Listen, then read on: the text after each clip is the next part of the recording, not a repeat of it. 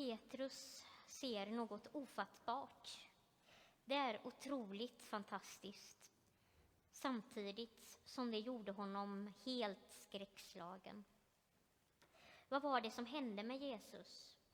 Vem var Jesus? Av någon anledning så visste Petrus att de som pratade med Jesus var Mose och Elia. Allt detta får omkring i Petrus tankar. Och Petrus visste inte vad han skulle ta sig till. Han visste knappt vad han sa en gång. Men han sa ändå något, för det hela var så fantastiskt så han ville vara en del av det. Han ville göra något för Jesus. Så varför inte göra tre hyddor? Då kunde Jesus sitta där och prata med Mose och Elia i lugn och ro. För tänk om detta mötet skulle bli starten på den nya tiden. Tiden av frihet som de alla hoppades att Jesus skulle leda. Jesus, som Petrus och de andra trodde var utvald av Gud att leda dem, att befria dem från romarnas förtryck, Guds Messias. Men detta som de nu fick se, det var så helt annorlunda mot vad de någonsin kunnat tro och föreställa sig. Det lyste om Jesus. Och plötsligt var det ett stort moln som sänkte sig ner och en röst som talade från molnet. Detta är min älskade son, sa rösten. Petrus var helt uppfylld av allt detta som hänt när de sedan följde med Jesus ner från berget. Att ett moln sänkte sig ner över berget påminde honom väldigt mycket om när Mose hade fått budorden från Gud. Mose som hade gått upp på berget mitt i ett väldigt moln och där hade Gud talat till honom. Och det som Petrus och de andra nyss hade fått se, det var en Guds uppenbarelse. Och den sanne guden hade sagt att deras Jesus var Guds älskade son. Det måste vara något mer med Jesus, en Messias som de aldrig hade kunnat förvänta sig. Någon mer än bara en världslig befriare, en Guds befriare, Guds son. Det Jesus visade sina lärjungar där uppe på berget är verkligen en mäktig berättelse med många olika djup. Och det är inte en tillfällighet att det var just Elia och Moses som Jesus talade med på berget. Det skulle kanske kunna beskrivas som att Jesus förklarades av dem han umgicks med där uppe. Hans uppdrag förtydligades för lärjungarna. Jesus visar några av sina närmsta lärjungar hur han umgås med två av de viktigaste personerna i det gamla testamentet. Mose förknippas med givandet och mottagandet av Guds bud eller Guds undervisning. Och det är ju verkligen något som stämmer överens med det som Jesus gjorde på jorden bland dem han träffade. Jesus undervisade om livet och om relationen med Gud och till varandra, medmänniskor som han mötte.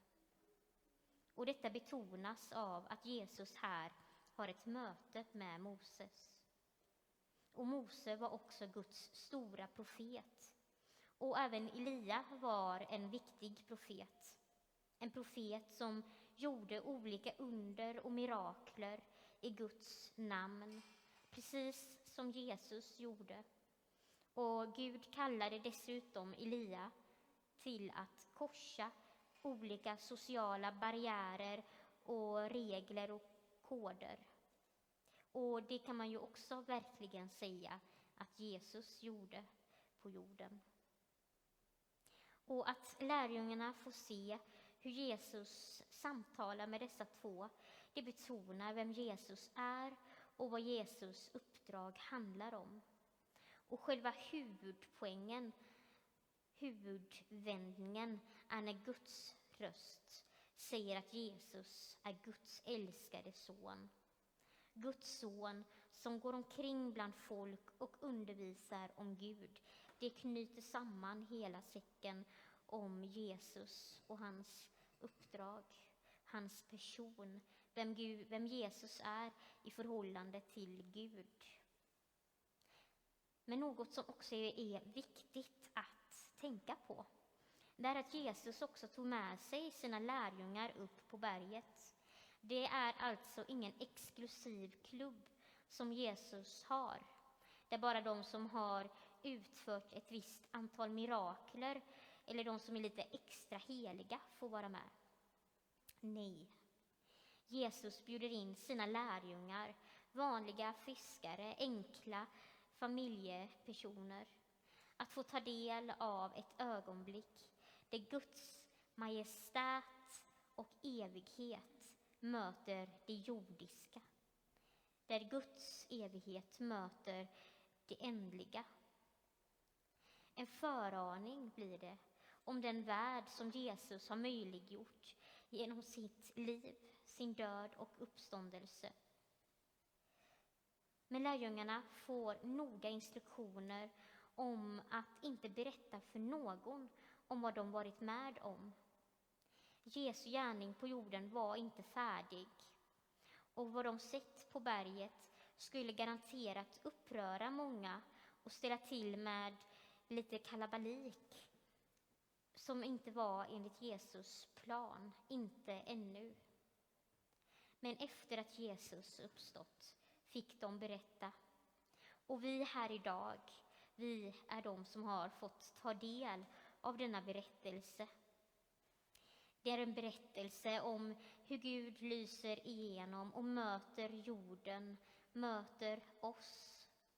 Det är en demonstration om den verklighet som kommer att vara våran en dag.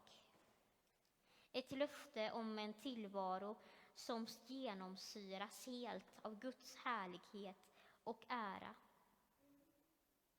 Och vi här idag, vi har i uppdrag att berätta för andra vad Jesus har uppenbarat för oss. Jesus uppdrag på jorden var inte färdigt förrän han utfört sitt uppdrag att möta de människor där och då som han behövde möta. Allt enligt Guds plan. Och vårt uppdrag här idag är att möta Gud först och främst och sedan möta varandra med Gud. Med den Guds uppenbarelse som vi har fått ta del av. Att berätta om Guds framtid en framtid med Guds älskade son, vår Herre Jesus.